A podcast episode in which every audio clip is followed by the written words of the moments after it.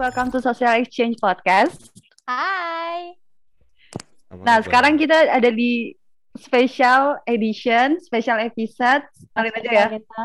Silakan, Ini ada Kak. Kak Ilham Anggi Putra, MC psikolog klinis dewasa. Halo Kak. Halo. Hai. Selamat pagi teman-teman. Selamat pagi. Kita kita kenalan diri dulu nih ke Kak Ilham juga ya. Aku Zizi. Aku Tika. Ah, Dan- aku, aku kameramennya. Siap Mas kameramen. Kebiasaan di belakang kamera ya, Kak ya. Jadi iya. Siap, siap. Sebelum ya sebelumnya makasih banyak loh Kak udah menyempatkan diri ngobrol bareng kita di sini dan teman-teman virtual kita juga. Ya, terima kasih juga Zizi sudah menculik saya pagi ini jadi bisa muncul di sini.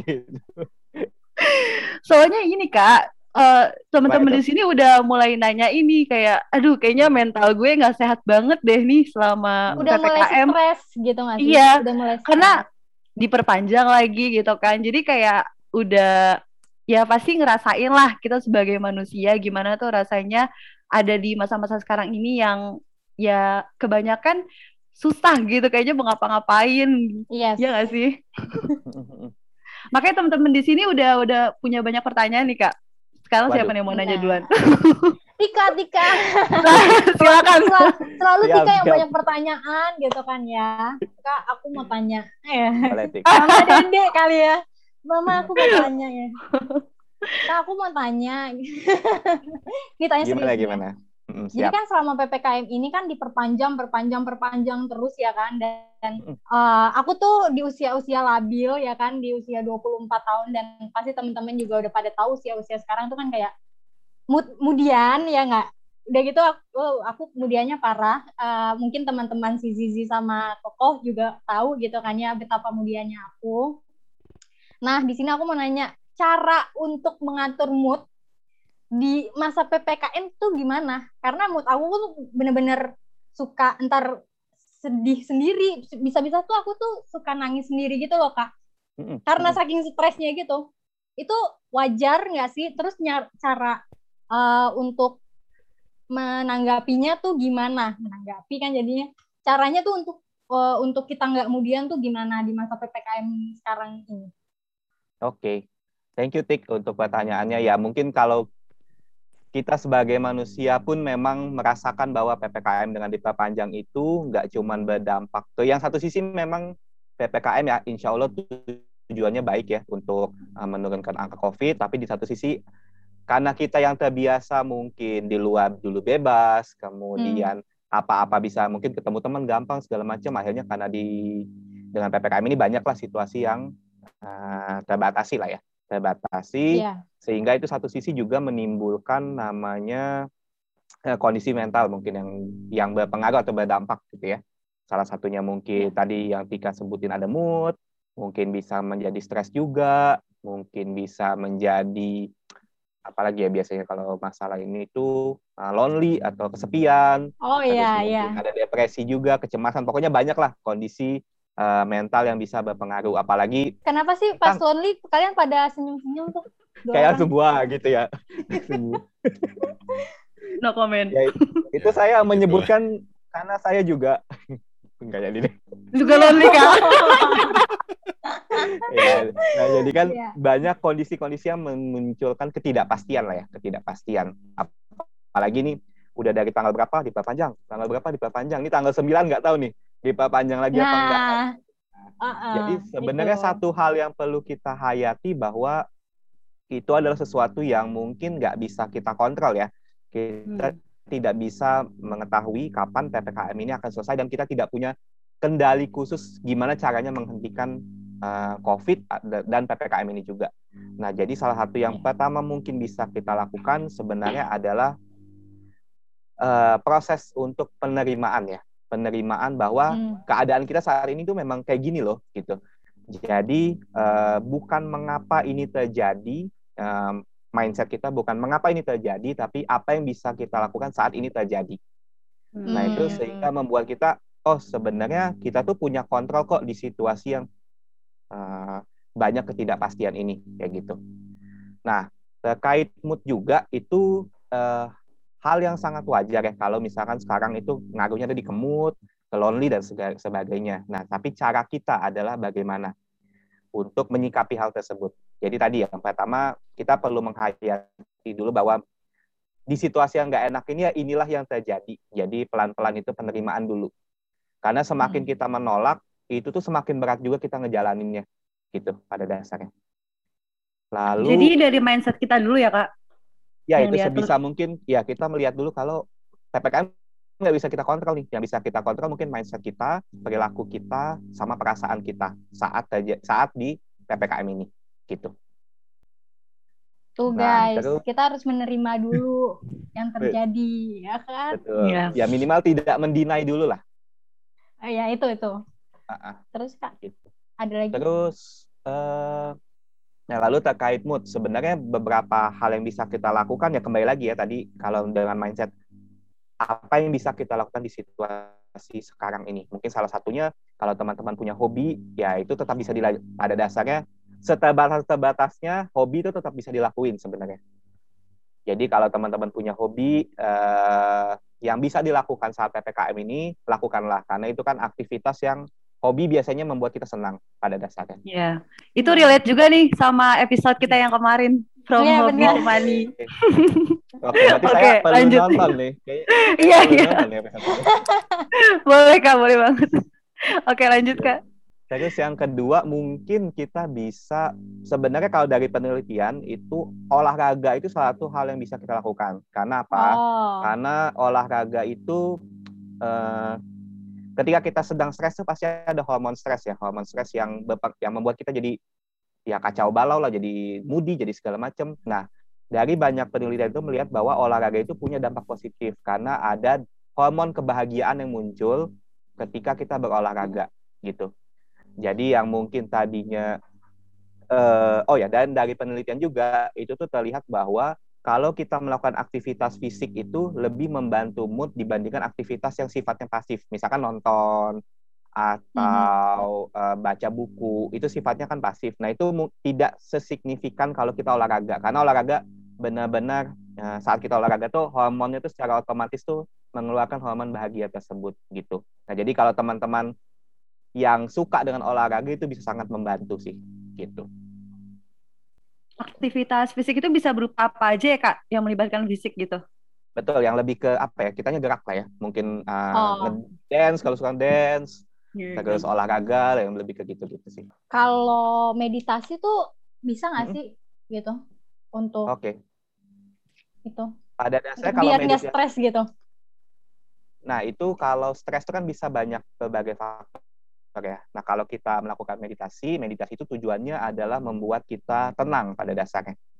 Hmm. Nah, kalau kita stres itu kan biasanya eh, respon tubuh tuh juga terlihatnya tegang gitu ya. Kayak misalkan eh, mungkin detak jantung meningkat, terus kemudian eh, kepala jadi berat, misalnya seperti itu ya.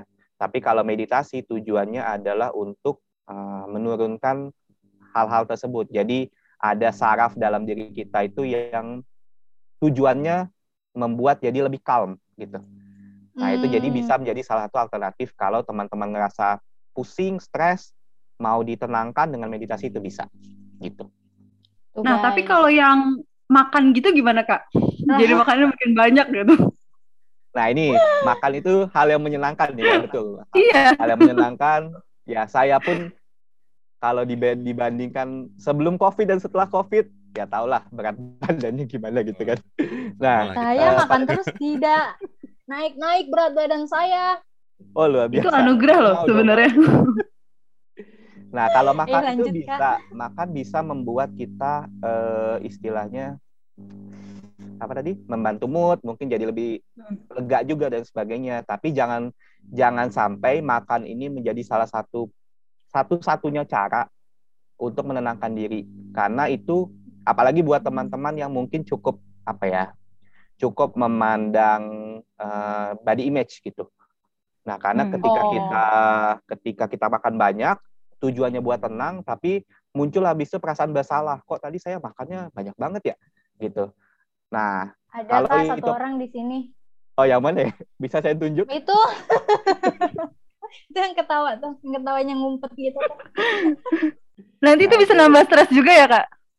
Ya kalau dia memperhatikan itu ya, jadi kan efeknya, aduh kok saya jadinya perasaan nyesel.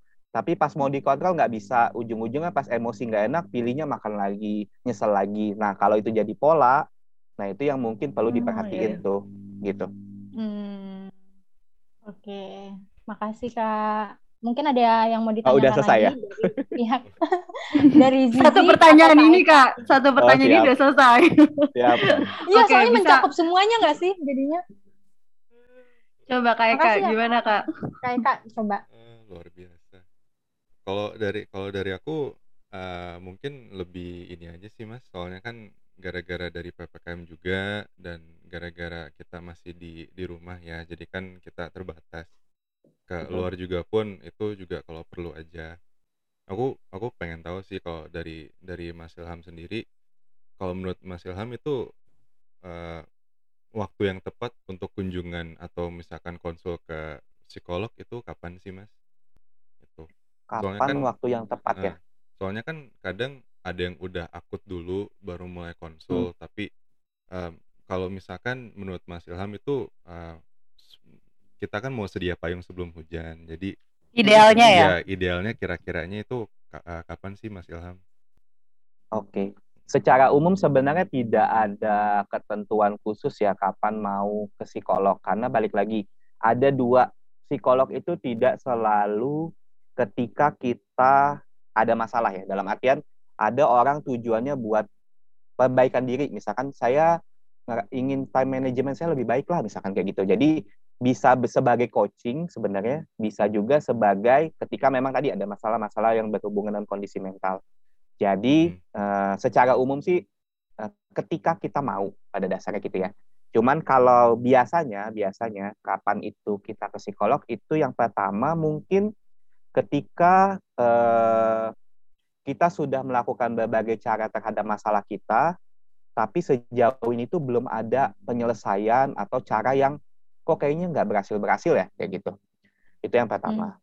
Terus yang kedua bisa juga ketika kita membutuhkan eh, orang atau mungkin eh, lawan bicara yang sifatnya objektif. Karena kadang kan kita kadang butuh teman nih, butuh teman, butuh sahabat, tapi kita nggak bisa mengontrol eh, mereka akan merespon gimana. Bisa aja misalkan ah gitu doang kok nggak bisa sih atau misalnya Iya. ah lo kurang bersyukur aja lah. Eh, mending lah lo masih punya kerjaan. Gua udah dari dulu di PHK misalnya gitu gitulah nah kita kan nggak bisa lah men- Ya, responnya nggak sesuai ya? ya mengontrol respon tersebut yang ternyata efeknya misalkan kita jadi berantem dan lain Iya, sebagainya. jadi malah Iya, iya. membandingkan masalah kita jadi ya misalkan gitu ya. Nah jadi dengan ada psikolog itu psikolog karena dia sudah dilatih untuk eh, apa ya tena- untuk konseling lah ya jadi ya kalau teman-teman membutuhkan wadah yang objektif itu bisa lewat psikolog. Terus yang ketiga mungkin sudah banyak eh mungkin bisa juga teman-teman tuh punya misalkan kok saya tuh nggak bisa tidur ya? Nggak bisa tidur nggak bisa apa tapi saya tuh nggak tahu eh, penyebabnya tuh apa. Nah jadi bisa juga ke psikolog itu untuk dibantu dicariin tuh akar masalahnya apa gitu. Sama yang keempat mungkin ketika teman-teman tadi misalkan banyak eh, kondisi-kondisi yang berpengaruh produktivitasnya teman-teman misalkan jadi nggak udah dua minggu lebih nggak konsen dua minggu lebih nggak nggak bisa tidur dua minggu lebih kayaknya menarik diri dari lingkungan dan sebagainya ya secara umum mungkin empat poin itu yang bisa menjadi tanda kalau teman-teman mau ke psikolog itu mas Eka Oh, oke. Siap. Ini thank you banget Mas Ilham infonya. Eh, tadi kalau Mas Eka sempat bilang kalau karena ppkm ini sebenarnya eh, satu-satu dampak positif dari COVID ini eh, saya tuh ya secara melihat awareness terhadap mental health tuh mulai semakin kencang lah ya. Nah hal tersebut Benar-benar. juga ber- benar. berpengaruh ke tenaga profesional pun yang akhirnya cuk akhirnya melek lah sama teknologi. Nah makin ke situ mulai banyak uh, psikolog yang atau tenaga profesional yang bisa bersifat online. Terus mungkin buat teman-teman yang takut, aduh, nah, benar nggak ya di ke psikolog tuh, tapi bisa, misalkan karena online jadi nggak ketemu dulu atau bisa anonim dulu, misalkan gitu ya. Minimal teman-teman lebih dapat lebih banyak sumber untuk mencari bantuan. Jadi kalau memang misalnya belum bisa offline, sudah mulai banyak uh, wadah yang bisa membantu secara online, gitu sih. Iya, karena masih banyak juga mungkin karena belum ternormalisasi kali ya Kak. Jadi kayak banyak yang malu gitu sebelumnya kalau mau langsung ke psikolog. Dikiranya tuh kita tuh ada yeah. gangguan gitu. Padahal enggak gitu. Kita kan mau nyari yang terbaik nih untuk diri kita solusinya gimana. Jadi dibantu sama yang memang sudah ahli ya nggak sih Kak? Iya. Betul. Itu stigma yang ya saya apa ya bisa dibilang sudah melekat lah ya di masyarakat hmm, sebenarnya. Yeah. Tapi makin ke sini sudah mulai ada banyak perubahan sih gitu. Ya benar benar benar. Tapi itu juga sih kayak aku uh, bis, amatin ya kayak kalau misalkan kalian cerita sama teman kalian kan teman kalian itu kan pasti juga ada masalah juga gitu. Jadi kayak hmm. kadang tuh kita saling bertukar masalah jadinya saling bertukar pikiran. Tapi uh, iya nggak sih lebih kayak gitunya gitu. Tapi kalau misalkan kalian sama psikolog, kalian tuh benar-benar full didengarkan dan dibantu gitu nanti solusinya dari akarnya sampai nanti solusinya tuh dipandu gitu. Tika ketawanya udah itu banget tadi tertahan gitu kayaknya sih. Enggak, karena kita tuh masalah masalah aku dan Zizi tuh sama. Jadi nangis oh, gitu. sama-sama gitu. di telepon. Oh, Zizi, gue juga lagi ada masalah lagi tik gitu kayak. Udah, udah gitu masalahnya sama gitu kan aneh gitu. Kalau lo udah mau dapet solusi yang benar-benar solusi, lo tanyanya ke Kayuham langsung konsel, konseling ke Kayuham. Nomor kak, nomor kak. Habis ini ya. Nah, luar biasa. Jadi nggak cuma okay. tiap minggu saya yang di saya yang saya yang di tengah terus mas. capek juga. Oh gitu. Oh. Iya bener bener bener. Eh kayak lo menerima ini nggak konseling couple? Nah, konseling couple sejauh ini belum Untuk sih. Oh, belum. Ini mungkin belum. bisa nih pertama nih. Pertama Tapi saya, deh. Iya. saya banyak ada referensi beberapa psikolog oh, couple. Oh gitu. ya ya ya ya. Gimana nih Zizi mungkin ada pertanyaan untuk uh, couple kali ya? Enggak, gue mau merujuk ke ini. Pokok kan dikit lagi mau merit. Oh. Pokok mau merit. Saya tahu ada yang mau dikonsul gitu. Persiapan. Tuh, tuh, ini apa? Dua dua puluh dua dua lah nanti mas masih lama. Oh, oh siap. Aduh. Kok abis ini ada tarifnya kok? Oh, iya, makanya justru booking sekarang sama Mas Ilham ini biar gampang nanti tahun ya. depan. Invoice-nya dikirim ke email ya kok? Aduh, iya. Ya, anyway, okay. tadi apa sih mau nanya apa tadi? Sorry, sorry. Enggak, tadi aku udah selesai nanyanya. Oh. Kan? iya. Gimana nih? Siapa lagi yang mau nanya? Mungkin teman-teman nanti ada yang mau ditanyakan, coba di komen. Nanti mungkin Kak Ilham bisa uh, bales kali ya di komen ya Kak ya. Iya, ntar aku mention. Kan Diwakilin, kan, kita wakilin. Kak Ilham kan jadwalnya, aduh ya kan. Iya, ini aja kita beruntung banget nih. Beruntung banget nih. Eh tapi tak kak, kak ini tadi karena Zizi ya? sih, karena Zizi. Kalau bukan Zizi saya sudah tunda lagi lah. Waduh, Bukan. luar biasa. sudah dari sejak tahun 2019 ya kak. Disclaimer ya. Disclaimer dulu. Tapi tadi yang Kak Ilham bahas tentang lonely gitu ya Kak. Kan, nah aku mau tanya nih ya. Ini pertanyaan ringan aja sih kayak, kalau memulai hubungan di masa pandem pandemi kayak gini, itu tuh sebenarnya ada faktor dari lonely gak sih? Agak ngerti gak sih Kak kayak, ini tuh sebenarnya dia emang lagi lonely atau emang emang Terus, gitu ngerti kan? gak sih? Iya. Karena lagi kayak gini gitu kondisinya. Udah mulai masuk nih sesi curhat masuk. Nah, gitu. aku aku penasaran gitu karena banyak yang cerita kan kayak di TikTok gitu suka lewat-lewat gitu katanya jangan percaya nih kalau dia ngedeketin bla bla bla gitu. Makanya aku penasaran nih mau nanya nih Kak, itu dari psikologis tuh kayak uh, ngaruh nggak sih dorongan-dorongan kayak gitu? Oke. Uh, sebenarnya lonely itu menjadi salah satu kondisi yang terjadi ya saat uh, saat apa nih saat situasi pandemi ini. Uh, nah, teman-teman perlu bedain dulu antara lonely sama alone, yes. sendiri sama kesepian. Kalau alone orang yang sendiri itu belum tentu kesepian. Ah. Tapi orang orang orang yang lonely pada situasi rame bisa aja dia lonely gitu. Jadi lonely itu lebih berhubungan sama perasaan sama okay. ekspektasi gitu. Tapi kalau alone tuh lebih ke apa ya objek ya objek. Misalkan kayak memang ya udah saya di kamar nih alone karena sendiri gitu. Tapi kalau lonely itu lebih ke penghayatan. Penghayatan atau juga mungkin uh, tadi apa namanya uh, penghayatan atau ekspektasi gitu. Nah jadi kadang hal yang membuat kita itu lonely sebenarnya uh, adanya jarak nih antara kenyataan sama ekspektasi gitu. Misalnya nih misalnya kalau dalam lingkungan pertemanan kenapa ya saya itu selalu ngerasa lonely misalnya. Uh, ternyata dia tuh selalu berekspektasi punya teman-teman yang memahami dia misalnya. Tapi hmm. dia ikut sebuah geng yang mungkin dia sebenarnya nggak cocok nih sama dia. Maksudnya uh, pergaulannya segala macam. Tapi karena butuh teman dia ikutin. Tapi pas pas dijalanin kok kayaknya tetap ngerasa nggak ada sesuatu yang terfeel in gitu loh di. Nah itulah karena mungkin ekspektasi dia untuk mendapatkan teman yang seperti itu tuh nggak dapat gitu. Yeah. Nah, termasuk juga mungkin dalam uh, hubungan ya, dalam okay. hubungan relationship gitu. Jadi uh, kembali lagi ini adalah terkait, terkait dengan penghayatan. Nah, terus gimana caranya pada situasi pandemi ini? Pada dasarnya sih prinsipnya sebenarnya sama, uh, yaitu pengenalan ya, pengenalan antara kita dengan dia ataupun dia dengan kita. Nah, cuman Uh, dan yang kedua adalah butuh namanya trust, trust atau rasa hmm. percaya. Nah kadang uh, satu sisi kitanya masih banyak ngerasa, oh kayaknya dia begini begini begini. Nah mungkin bisa jadi itu ke teman-teman belum terlalu kenal sama dia gitu. Zi dengerin tuh sih.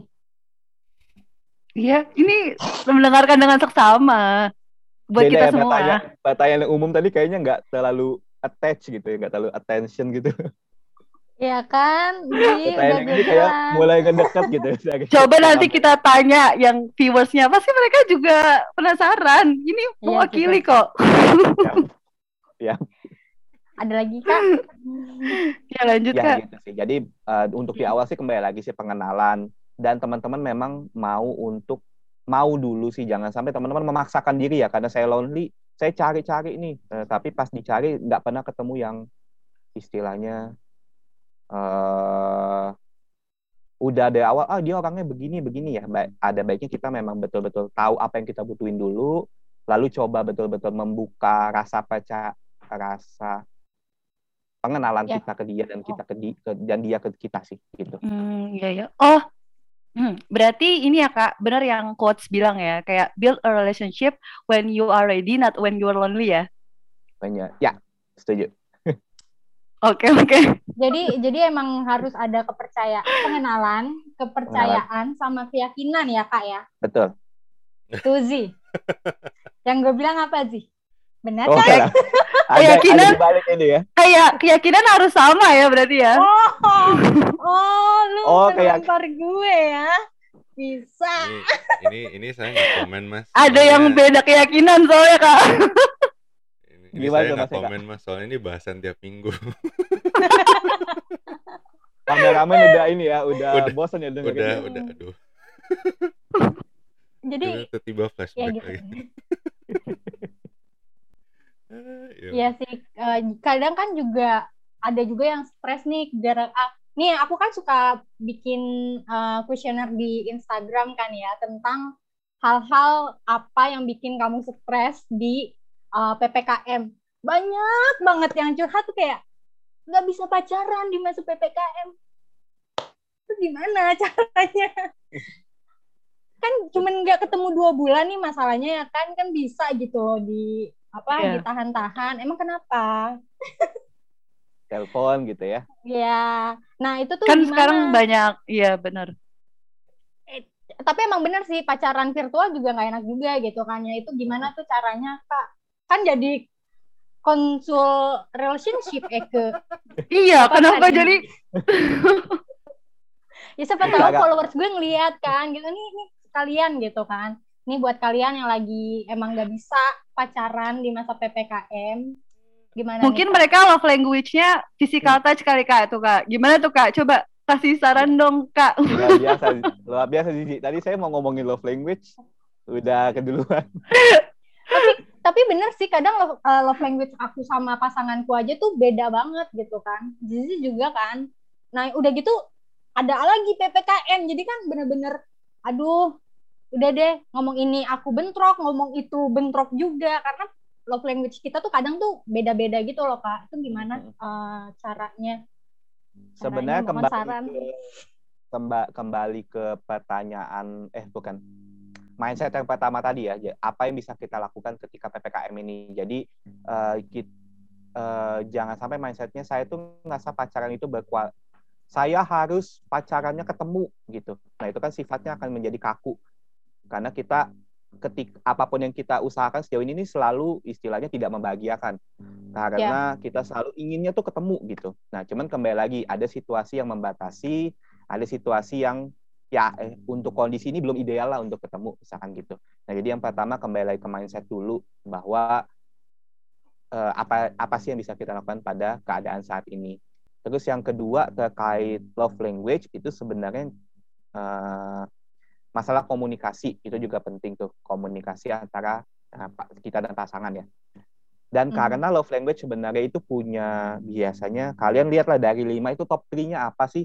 Top 3-nya si Tik- eh, Tika apa misalnya? kita ya Ya, top 3-nya pasangannya apa gitu. Nah, dari situ kan bisa kita lihat bahwa hmm, oh wal- mungkin Oh. physical touch memang masuk top 3, tapi mungkin ada dua lain yang bisa kita lakuin. Misalkan quality time, oh ya deh telepon dulu atau misalnya oh ya deh main main uh, games dulu atau apa sam- virtual segala macam ya kembali lagi sih uh, di situasi yang terbatas ini apa yang bisa dilakukan terus yang kedua adalah komunikasi yang ketiga melihat top three language-nya dan saling uh, apa ya mengerti um, mengerti kayak oh saya tuh memang sukanya di sukanya begini nggak sukanya begini dia Iya. sukanya begitu. Jadi, jadi emang harus Gitu. terbuka juga sama pasangan kan kayak eh gue misalnya gue suka sukanya kayak gini gue suka diucapin good morning gitu kan gue suka di ini gitu harus harus seterbuka itu juga kan kak sebaiknya begitu karena jangan sampai kita bermain sama asumsi karena Oh. kadang hal yang bikin kita hmm, bikin kita punya skenario skenario buruk itu karena asumsi kita Hmm. sendiri misalkan kok dia eh, apa istilahnya? bales kok dia ya, nggak pernah gitu. nelpon ya kok dia nggak pernah ngomong good morning sih misalkan Iya. gitu ya tadi Nah, padahal mungkin dianya memang bukan tipe yang begitu dan dia nggak tahu gitu kan Nah, jadi dengan kita omongin, oh ternyata kamu tuh senangnya di diucapin hal ucapin tersebut misalkan gitu. gitu. Gitu. Jadi Oh, perlu banget sih. kita nggak main asumsi si sebi- sebaiknya gitu. Itu jadinya kayak overthinking gitu ya Kak kalau kita banyak asumsi gitu ya. Biasanya sih? biasanya overthinking juga muncul karena tadi ya, karena akhirnya kita Hmm. membuat skenario-skenario yang oh jangan-jangan dia begini, jangan-jangan dia begitu. Akhirnya kita eh, ke yang bersangkutan jadi bad mood terus misalkan kalau ngebalas Hmm. Hmm, misalnya jadi dengan harapan lo tuh harusnya peka lah gue tuh lagi marah misalnya gitu ya nah Iya iya tuh eh, benar. Tapi itu kadang kayak kalau kita udah expect kayak gitu atau misalkan kita udah bikin worst case-nya lah. Mm-mm. Rasanya tuh kalau misalkan benar sesuai dengan yang apa yang udah kita pikirin gitu. Itu kayak kalau nyata juga kayak ya udahlah kan gue udah expect gitu gitu. Tapi kalau misalkan kayak kita kadang kita bener-bener percaya 100% nih. Tapi nggak sesuai gitu. Ja- itu jatuhnya lebih sakit nggak sih? satu sisi betul satu sisi memang ketika kita udah bayangin worst case itu akhirnya Iya. ketika terjadi jadinya oh ya memang sesuai dan tapi kalau nggak terjadi kayak wah lega banget gitu ya nah Hmm. tapi eh, kembali lagi di sini sebenarnya adalah eh, bagaimana kalian menjalaninya jangan sampai asumsi itu menjadi konflik eh, dan Hmm, asumsi itu akhirnya konflik itu tersebut tidak diselesaikan gitu Jadi cukup dikip di kita aja ya kalau kita punya thoughts kayak gitu ya Kak. Tapi ketika kita berhubungan dengan orang tersebut kayak mau sama siapa pun, kita misalnya punya pikiran-pikiran kayak gitu, ya jangan sampai apa yang ada di pikiran kita itu mengaruhi mempengaruhi cara kita eh, berkomunikasi sama dia gitu ya. Iya, poin yang kedua betul. Jadi kita jangan sampai itu berpengaruh terhadap uh, kualitas kualitas relationship kita ya. Tapi kalau di poin Hmm, pertama antara antara keep atau tidak itu tergantung lagi dari kitanya. Kitanya bisa kontrol Hmm, apa enggak. Terus yang kedua itu tadi mengganggu atau enggak.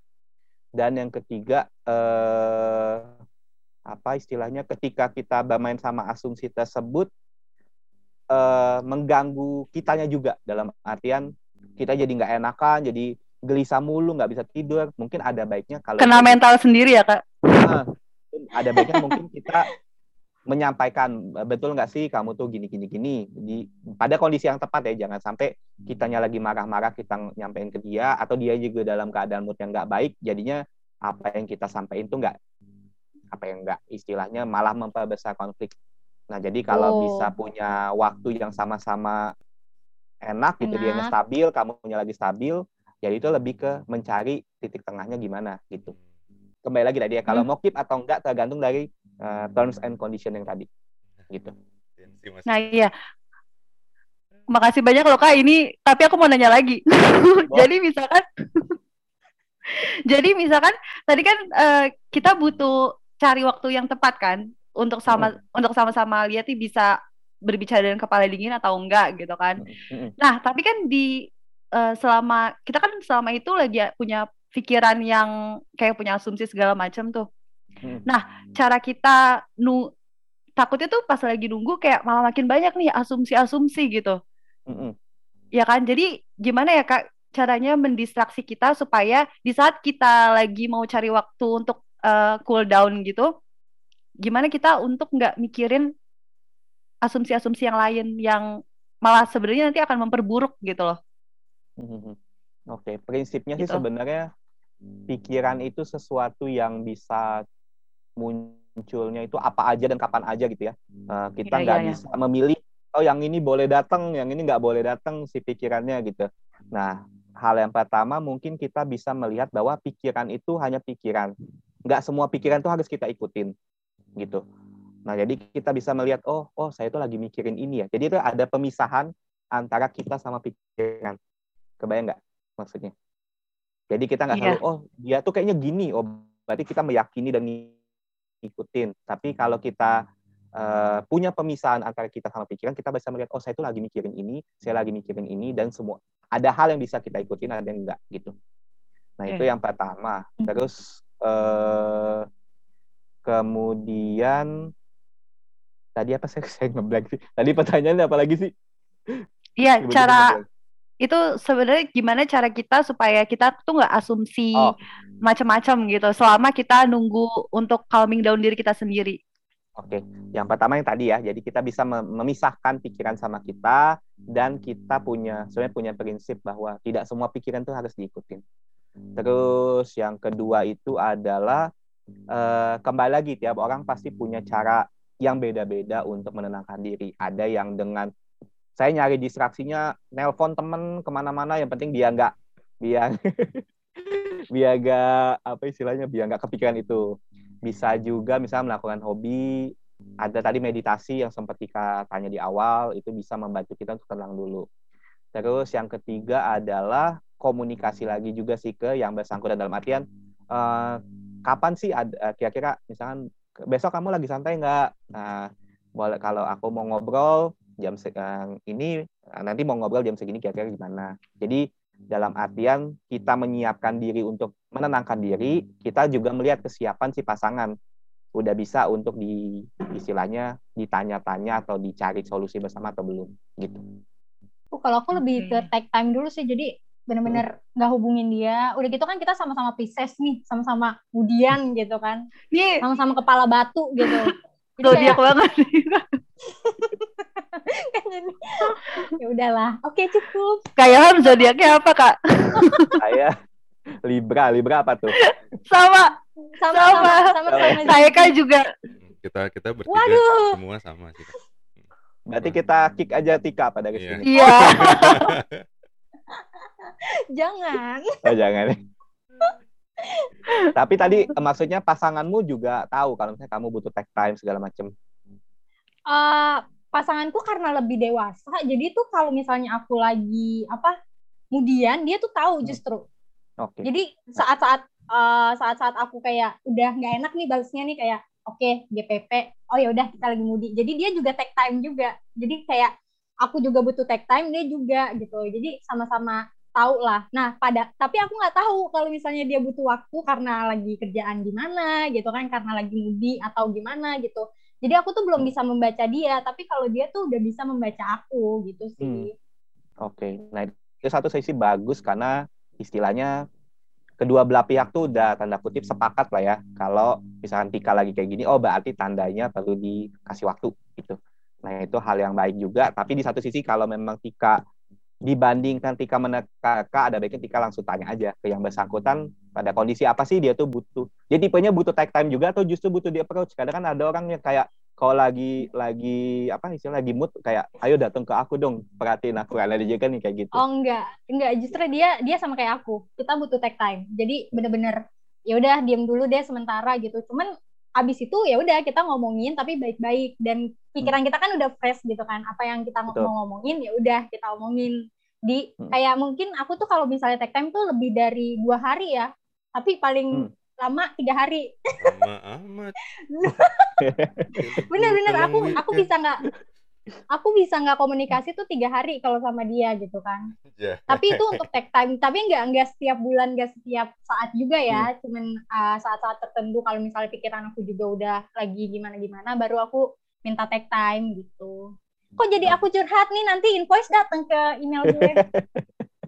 Ya tadi sih kalau tadi poin dari Tika itu adalah eh, eh, dalam artian dua, kedua belah pihak itu berarti sepakat lah ya. Kalau oh Tika butuh take time terus tadi poin yang baik juga adalah ketika udah ini saling kepala dingin buat ngomongin.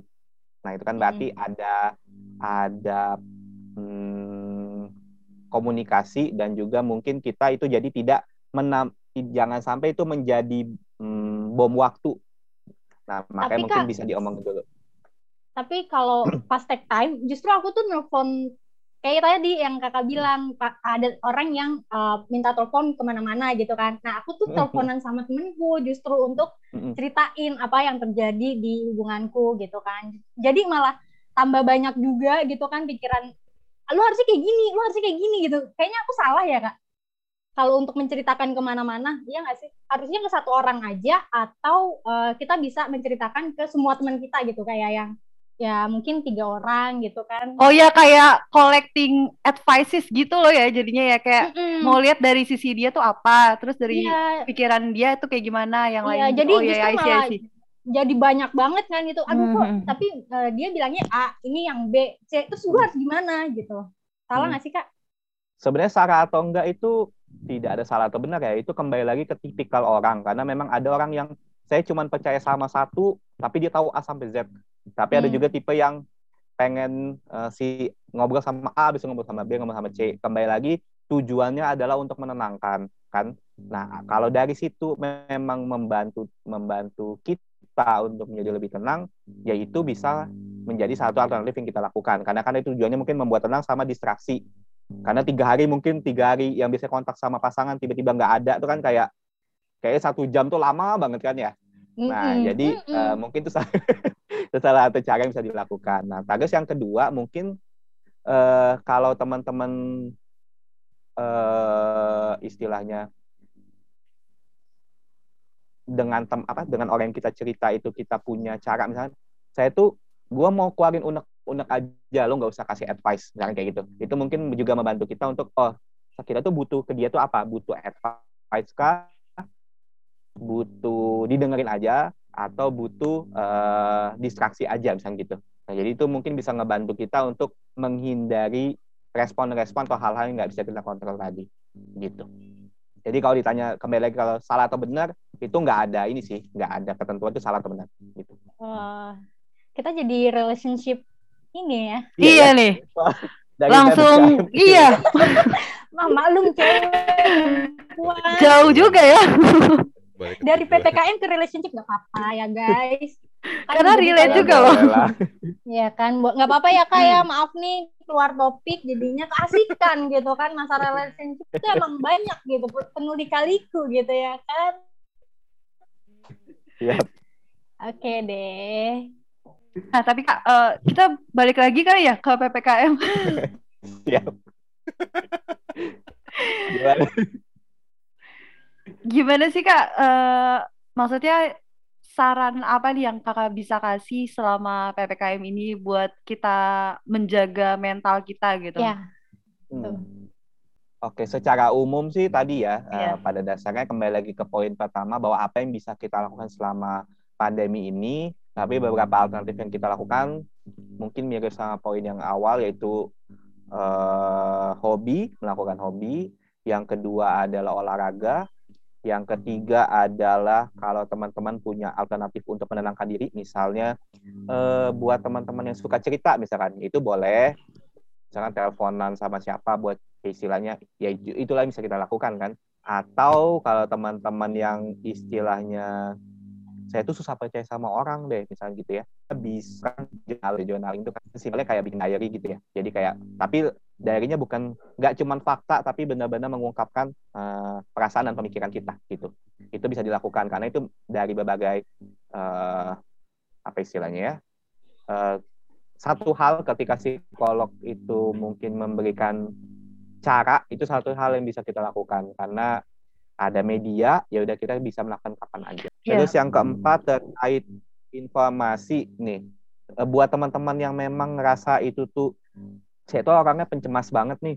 Pencemas tiap dengar kabar covid sedikit cemas. Tiap uh, dengar kabar apa namanya ya pokoknya berkaitan dengan covid itu membuat saya tuh nggak enak gitu nah sebisa mungkin hindarilah informasi itu dan benar-benar batasin waktu.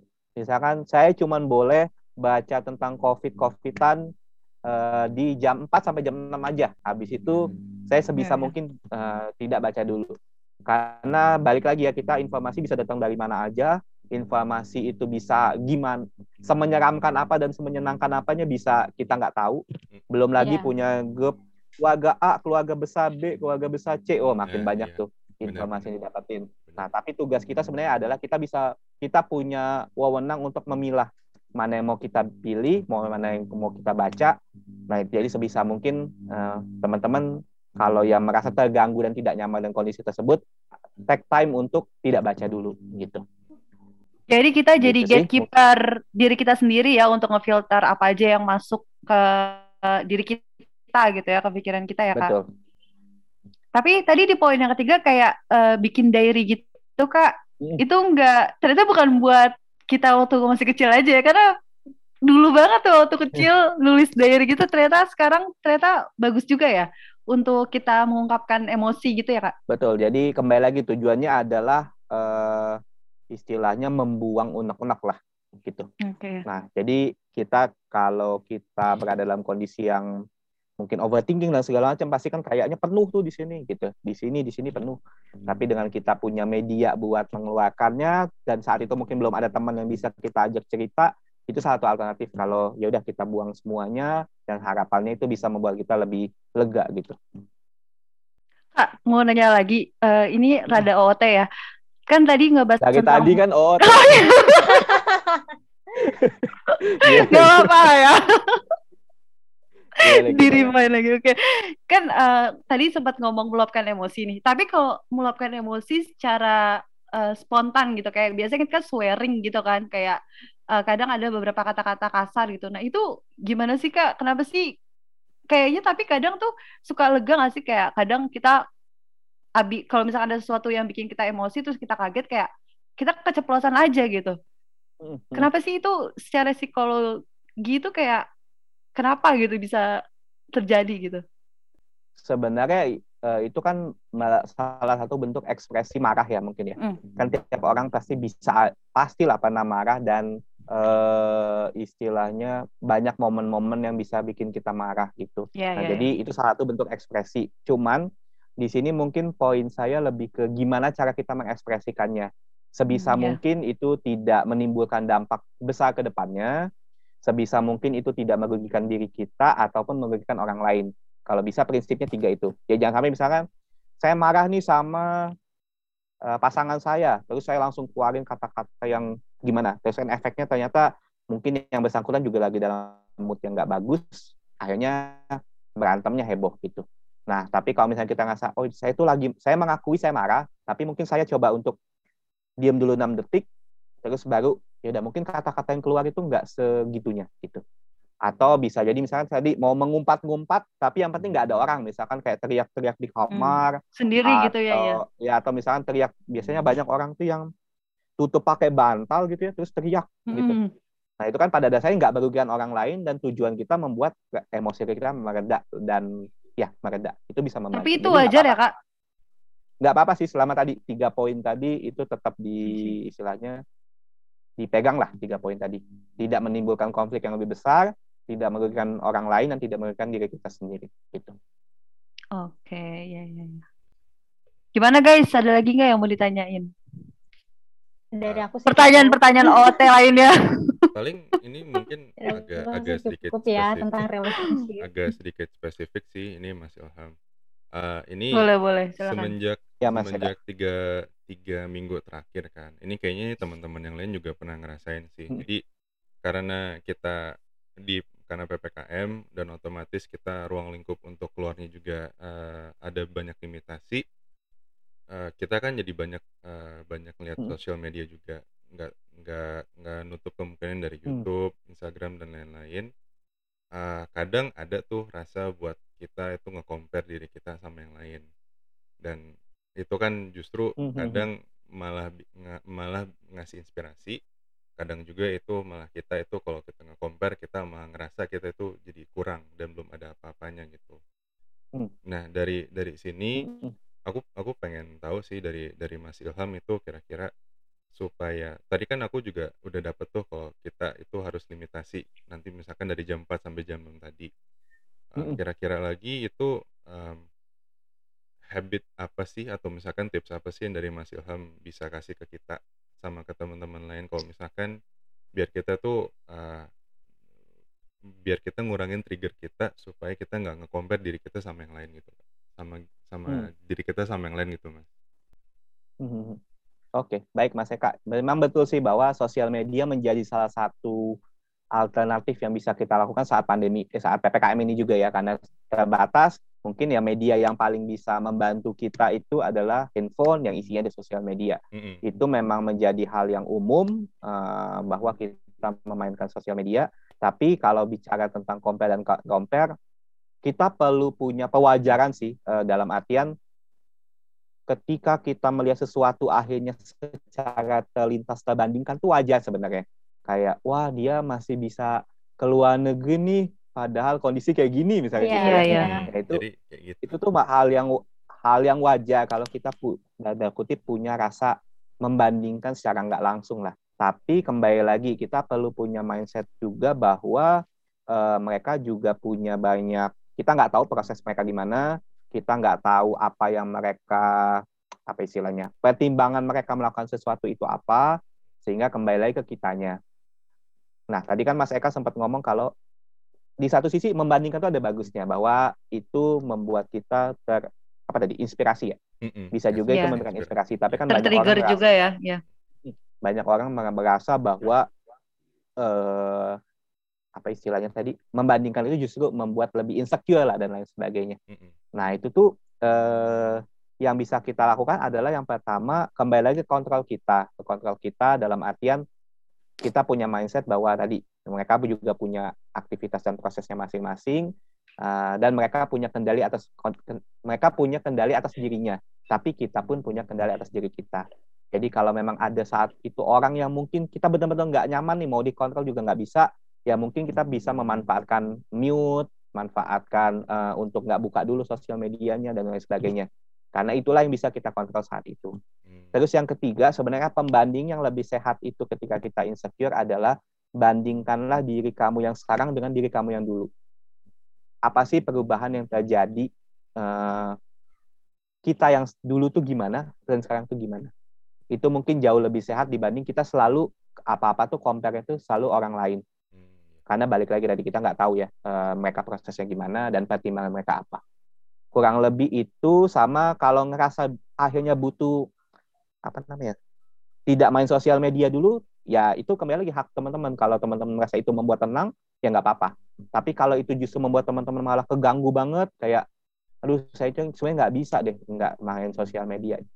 Ya itu ya dilaku tetap dilakukan sosial media dengan memanfaatkan fitur-fitur yang lain tadi. Mm. itu kayak mute kemudian ya hidden lah dan lain sebagainya gitu. Oke. Mantap. sebenarnya jadinya balik ke diri kita sendiri ya kak Makasih Mas Betul. Ilham ini jawabannya luar biasa lah ya Iya. semoga menjawab. Menjawab semua pertanyaan kita ya. Ya ampun, terima kasih. Yang banyak. OT OT itu ya. tetap Tetap ya, tetap OT ya. ya. Oke, ada lagi nggak guys yang mau ditanyain? Dari aku udah. udah Dari ya, aku udah cukup. Mungkin nanti di belakang layar ya kita masih. Siap.